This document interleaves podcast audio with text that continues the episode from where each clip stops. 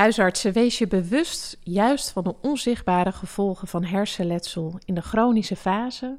Overleg. Gebruik bijvoorbeeld ons als revalidatieartsen als sparringpartner en maak gebruik van je netwerk. En sluit je ook aan bij een van de netwerken in jouw regio. Welkom bij de podcastserie van Daisy Medical Partners, waarin Maarten Lefevre in gesprek gaat met artsen, patiënten en patiëntverenigingen om met elkaar te streven naar een optimale kwaliteit van leven voor patiënten. We zijn vandaag de gast in Utrecht en praten met revalidatiearts en voorzitter van de landelijke werkgroep hersenletselrevalidatie Elbrich Jagersma en Monique Bergsma, organisatorisch manager van het kennisnetwerk CVA Nederland. We gaan het hebben over onder andere de impact van hersenletsel in de chronische fase op het dagelijks leven van patiënten, hoe huisartsen patiënten met hersenletsel juist door kunnen verwijzen en wat netwerken van zorgverleners met betrekking tot hersenletsel kunnen bijdragen aan het beter organiseren van zorg. Elbrich, op welke manier verandert het leven van een patiënt met chronisch hersenletsel ten opzichte van de situatie voor het hersenletsel? Nou, de impact van hersenletsel is ontzettend groot. Niet alleen de zichtbare gevolgen, zoals een verlamming of een afasie, maar ook juist de onzichtbare gevolgen, zoals vermoeidheid of veranderingen in denken en gedrag, hebben hele grote invloed op het leven van patiënten en hun naasten. En daarnaast weten we ook uit onderzoek, maar ook uit de praktijk, dat juist in de chronische fase overbelasting van de mantelzorger vaak voorkomt en ook stemmingsproblematiek van patiënten, maar juist ook van mantelzorgers uh, vaker voorkomt. Ja. En uh, vandaar dat het heel belangrijk is voor huisarts om juist in deze fase uh, alert te zijn. Ja, want je noemt het al, hè, de, de huisarts. hoe kan die hier nou goed op inspelen? Ja, het is juist in de chronische fase voor huisartsen belangrijk om niet alleen maar aandacht te besteden aan de somatische klachten en aan de secundaire vasculaire preventie, maar ook juist om te vragen en alert te zijn op veranderingen in denken, bijvoorbeeld in het tempo, concentratie, geheugen.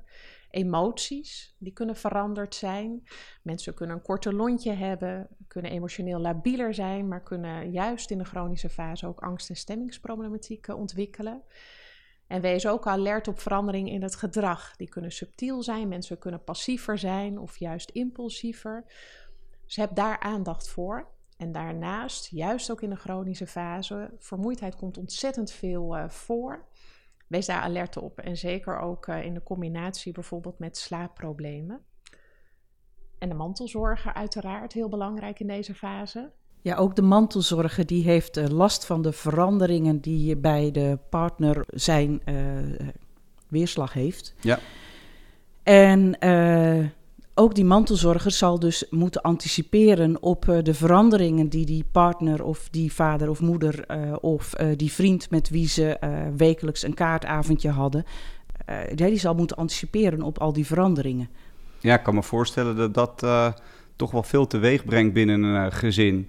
En, en Elbrich, wat voor invloed heeft uh, chronisch hersenletsel op het gezinsleven? Nou, juist omdat we zo net, uh, wat we zo net al noemden, omdat hersenletsel impact heeft op denken en gedrag, is eigenlijk de, de impact op alle verschillende rollen die je hebt als mens heel erg groot. Als partner, als ouder, maar ook juist als kind of als vriend of vriendin is behoorlijk veranderd, wat we net al noemden. En laten we bijvoorbeeld als voorbeeld een vrouw van midden 40 nemen, die een eh, beroerte heeft doorgemaakt, gehuwd, met een gezin met drie schoolgaande kinderen. Nou, haar rol als partner is veranderd. Vaak is het evenwicht in een relatie verstoord. Moet er gezocht worden naar een nieuw evenwicht en ook weer naar het opnieuw verhouden tot elkaar. En ook het opbouwen van vertrouwen speelt een grote rol. Vaak is er angst voor recidief en dan niet zozeer bij de patiënt zelf, maar ook juist bij andere gezinsleden, wat in een gezin ook behoorlijk beklemmend kan zijn. En naast haar rol als partner is ook haar rol als moeder vaak behoorlijk veranderd. En dat kan bijvoorbeeld heel praktisch al zijn, omdat ze sneller overprikkeld raakt wanneer iedereen thuis is of met elkaar aan tafel zit te praten, of dat ze altijd hielp met het huiswerk van haar kinderen, wat nu niet meer lukt kan zijn dat ze ten gevolge van het hersenletsel dat ze veel stiller is dan voorheen, of juist een korter lontje heeft. Wat veel impact kan hebben op de gezinsdynamiek. En ook kan het gevoel tekort te schieten als moeder of als ouder speelt vaak een hele grote rol en wordt er vaak als zwaar ervaren. Ja. En uiteraard niet alleen in het gezin de rollen van de patiënt zelf, maar ook die van partner en kinderen zijn eh, heel erg veranderd. En daarmee ook de gezinsdynamiek. En wees daarom juist als huisarts daar, ja, daar alert op. En wat Monique net ook al noemde, op die belasting ook uh, van, van de mantelzorger en het gezin. Juist die emotionele belasting uh, ook. Ja, kan me goed voorstellen dat ook naast het gezin nog, nog allerlei andere plekken zijn waar uh, ja, patiënten ja, tegen hun beperking, als ik het zo mag noemen, uh, aanlopen. Zoals bijvoorbeeld de sportclub of binnen een vriendenkring. ja, kan je daar een voorbeeld van geven? Ja, wat je eigenlijk van alle patiënten hoort, juist in de chronische fase, is dat hun wereldje kleiner wordt. Uh, en dat heeft er onder andere met die vermoeidheid uh, weer te maken. Dat het ondernemen van sociale activiteiten op zichzelf al veel meer energie kosten. En dat mensen het daarom vaak ook laten. En juist omdat uh, juist sociale activiteiten vaak met meerdere mensen zijn. En ook dat veel energie kost. Mensen hebben vaak meer moeite om het gesprek te volgen als er meerdere mensen zijn. Of raken sneller overprikkeld. Um, en dat, ja, dat leidt ertoe dat los van de fysieke beperkingen, juist ook meer die onzichtbare gevolgen, dat die veel invloed hebben op het ondernemen van sociale activiteiten. En Monique, op welke manier kan een huisarts deze patiënten helpen om een zo'n gelukkig mogelijk en betekenisvol leven te leiden? Een huisartspraktijk heeft ontzettend veel patiënten en kan met diverse uh, type klachten in aanraking komen. Wat we zien en wat de huisartsen ook signaleren, is dat patiënten dan bij hen komen uh, van, met klachten als van ik ben zo vermoeid of uh, ik heb zoveel hoofdpijn of ik heb, nou, vage klachten zal ik maar uh, zeggen, die niet direct duiden naar het hersenletsel wat zij zelf mogelijk opgelopen hebben, ofwel naar het hersenletsel van de partner. En dat is best een uitdaging voor de huisartsen. Dus wat de huisartsen uh, vragen, uh, ook aan uh, de zorgverleners en aan organisatoren zoals wij, is dat zij zeggen van geef ons de kennis zodat wij ook zodra die patiënten bij ons komen, dat wij alert zijn op het hersenletsel wat, op, wat zij of zelf op hebben gelopen of dat zij in hun omgeving hebben en waar zij dus last van hebben.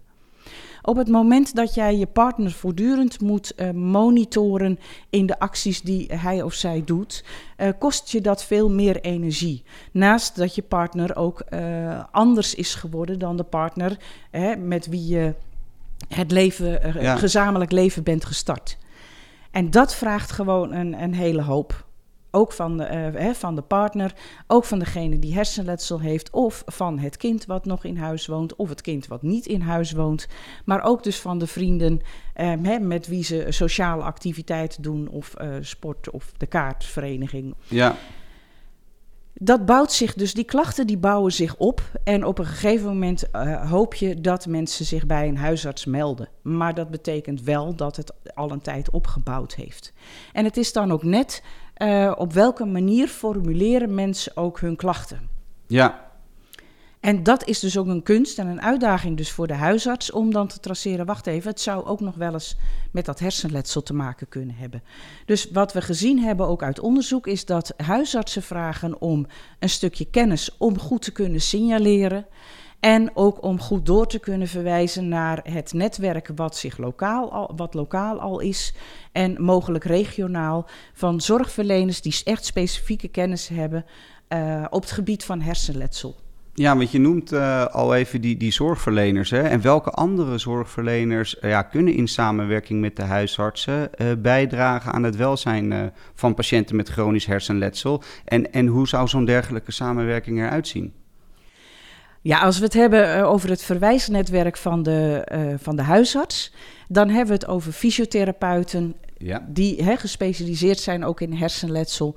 Uh, ergotherapeuten die een grote rol zouden kunnen spelen op het gebied van omgaan met verandering in cognitie, in vermoeidheid, in emotie en in gedrag. En natuurlijk ook de revalidatieartsen. Ja, en uh, het is belangrijk uh, dat een huisarts uh, weet um, hoe hij of zij patiënten met hersenletsel juist kan doorverwijzen. Hè. Dat zei je zojuist al. Wellicht om even, goed om even aan te geven wat de gevolgen kunnen zijn als zo'n huisarts bijvoorbeeld te laat doorverwijst. Ja, dat betekent dat klachten zich jarenlang hebben kunnen opstapelen. Naast dat het ook frustratie oplevert bij de patiënt en bij de naasten. Die, die worden niet serieus genomen of die nemen zichzelf niet serieus in hun klachten hè, als ze maar door blijven lopen. Dus ja, je, je creëert ook dan nog eens emotionele schade naast uh, dat er hersenschade is. Dus eh, je wilt gewoon graag dat iemand over de drempel komt om, om hulp te vragen. En het is ook misschien ook maar eerst eens te sparren met die huisarts. Zo van, joh, dit is wat ik ervaar. Uh, laten we het er samen over hebben hoe ik, uh, hoe ik hiermee om kan gaan. Ja. Vaak is de, de periode van revalidatie gericht op het uh, verminderen van de schade. En, um, en gaat men in die periode van revalidatie gaandeweg over naar, over naar hoe ga je om met de beperkingen die je hebt om ja, om zo goed mogelijk te gaan functioneren. En dat is een proces van jaren. En dat vraagt van alle zorgverleners die te maken hebben met die patiënt, uh, vraagt dat uh, enorm veel uh, tact. In, inlevingsvermogen, het zoeken naar van wanneer kan ik nou op de juiste manier het aankaarten, ook bij die patiënt en bij die mantelzorger. Ja. En dat, dat speelt niet alleen bij huisartsen, dat speelt eigenlijk in die hele keten. Ja, Elbrich, zou jij hierop willen inhaken? Ja, het is belangrijk om daarbij ook goed je netwerk uh, te kennen. En realiseer je dat wij uh, niet alleen werkzaam zijn in de revalidatiecentra zoals we die kennen, maar juist ook op alle verschillende, in alle verschillende ziekenhuizen. En in al die ziekenhuizen en revalidatiecentra werken revalidatieartsen met, uh, met verstand van hersenletsel, die zich met hersenletsel bezighouden. En ook in de regio zijn we betrokken bij alle verschillende ketens en bij, ook bij de netwerken, waar we zo meteen verder uh, ook op in zullen gaan. En overleg en spar juist in deze chronische fase met ons. Zowel bij de zichtbare, hè, bij de somatische gevolgen, want juist in deze fase kan er ook toename zijn van bijvoorbeeld spasticiteit, maar ook kunnen klachten van het houdings- en bewegingsapparaat toenemen. Uh, maar juist ook overleg met ons bij deze onzichtbare gevolgen, bijvoorbeeld bij twijfel of onduidelijkheid over het cognitief functioneren, of bij toename van gedragsproblematiek, of het vastlopen of stagneren in werk of in andere uh, sociale situaties. En dan juist om te beoordelen of in te schatten of die klachten passend zijn bij het hersenletsel, of patiënt beoordeeld moet worden door ons, eventueel nog behandeld worden moet worden, maar juist om begeleiding te zoeken uh, in de eerste lijn in, net, in, het netwerk. En dat is juist in de chronische fase vaak uh, aan de orde. Ja, en heel belangrijk om tot een diagnose te komen, of is die diagnose dan al gesteld? Die diagnose is uh, over het algemeen al gesteld. En belangrijk om te realiseren dat het hersenletsel zelf gedurende de tijd niet verandert, maar juist de eisen die de maatschappij aan de patiënt stelt, wel. En ook de levensfase die uh, patiënten doormaken, die verandert. En daarmee is het eigenlijk de impact van het hersenletsel gedurende de jaren, die wisselt en varieert. En het is belangrijk om daar alert op te zijn en goed te bedenken: is dat inderdaad het hersenletsel? Wat past daarbij? En uh, te overleggen uh, om daarmee samen um, ja, om daar samen over na te kunnen denken en over te kunnen sparren. Ja, mooi. En uh, Monique, er werd net al uh, het een en ander gezegd over samenwerken. Hè? En waarom kan het relevant zijn uh, voor huisartsen om samen te werken met hersenletselnetwerken in hun regio? Uiteraard levert samenwerking vaak wel wat op. En dat betekent dat je, uh, er zijn uh, netwerken uh, van specialisten die gaan over hersenletsel. En dan hebben we het over de artsen uiteraard. Maar dan hebben we het ook over ergotherapeuten, fysiotherapeuten, logopedisten en verpleegkundigen en nog vele anderen. En het is goed om van elkaar te kennen. En het is ook goed om van elkaar te weten van bij welke, welke vraag stuur ik aan welke professional door. Veel van deze professionals die, we, die ik net noemde, die hebben ook enige expertise opgebouwd op het gebied van hersenletsel. En het is gewoon goed om elkaar regelmatig tegen te komen, intervisie met elkaar te doen en ook samen afspraken te maken over wie uh, pakt welke vraag, uh, kan het beste welke vraag oppakken. Daarvoor uh, zijn we ook bezig, ook op uh, procesmatig niveau, om projecten op te zetten. Om die doorstroming en die kennis ook beter te verspreiden. en dan wil ik het project Leg de Link noemen. dat zijn kennismakingssessies die we organiseren. tussen huisartsen in een regio en het verwijsnetwerk in die regio. En daarnaast wil ik ook noemen de handreiking Eerste Lijns Herstelzorg. En dat is een bijzonder project wat we samen met de Vereniging Revalidatieartsen en de KGF, NVLF en Ergotherapie Nederland opzetten. Om ook afspraken te maken met elkaar over welke zorgvraag vraagt nou om welke competenties van welk type zorgverlener zodat we ook de huisartsen en andere verwijzers in een regio uh, beter kunnen helpen van welke vraag hoort dan bij welke uh, bij welke zorgverlener. En dat vraagt nogal wat uh, van ons uh, met elkaar de komende jaren. Maar het is ontzettend leuk om te zien dat we met elkaar ook deze stappen aan het maken zijn. Om ook gezamenlijk afspraken te maken over wat is nu goede zorg en op welke plek dan. En um, uh, het, we hebben het natuurlijk over de huisarts. Kan de huisarts op dit moment al bij informatie waar je het nu over hebt? Dat kan, zeker. Er zijn in echt verschillende regio's zijn er uh, ook eerste lijns netwerken die zich specialiseren op het gebied van neurologie. En uh, die afspraken, kwaliteitsafspraken uh, met elkaar gemaakt hebben. Die, en die, waar daar dus ook verwezen kan worden. En die ook aan de deur kloppen van de huisarts van wij zijn er en onder deze condities werken wij. Dit is wat we aan kwaliteit van zorg bieden. En ja, dit is de manier waarop wij zoveel mogelijk de patiënt met hersenletsel ook de juiste zorg willen geven. En nou ja, vanuit de verschillende beroepsverenigingen en de brancheverenigingen wordt dat ook gestimuleerd om je daarbij als eerste lijns therapeut ook aan te sluiten. Om ook uh, mee te doen in het gesprek van ja, wat is dan kwaliteit van zorg?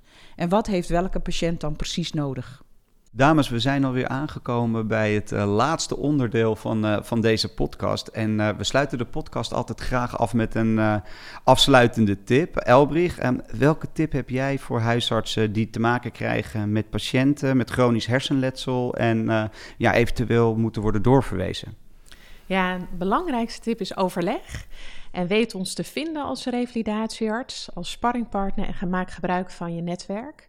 En weet ons te vinden als sparringpartner, juist als je twijfelt over hè, vragen en symptomen in de chronische fase, over vermoeidheid, over cognitieve klachten waarvan je twijfelt, hoort dit er nou bij of niet, over spasticiteit, over slaapproblematiek of bijvoorbeeld over klachting van het houdings- en bewegingsapparaat. Dus weet ons te vinden, overleg en dan kunnen we samen bepalen wat de juiste route vervolgens is. Mooi, dankjewel. En Monique, welke afsluitende tip heb jij voor uh, Nederlandse huisartsen? Als huisartsen uh, bereid zijn om uh, samen ook met andere zorgverleners de samenwerking in de regio vorm te geven, kunnen zij ook goed contact opnemen met de regionale coördinatoren die overzichtelijk op onze website staan. En dat is op www.kennisnetwerkcva.nl. En dan kunnen zij uh, zoeken van welke coördinator is er in hun regio actief. En daarnaast kunnen ze natuurlijk ook met ons gewoon contact opnemen. Dan helpen wij ze ook aan de juiste contactpersoon. Dames, hartelijk dank. Ik vond het een leuke podcast.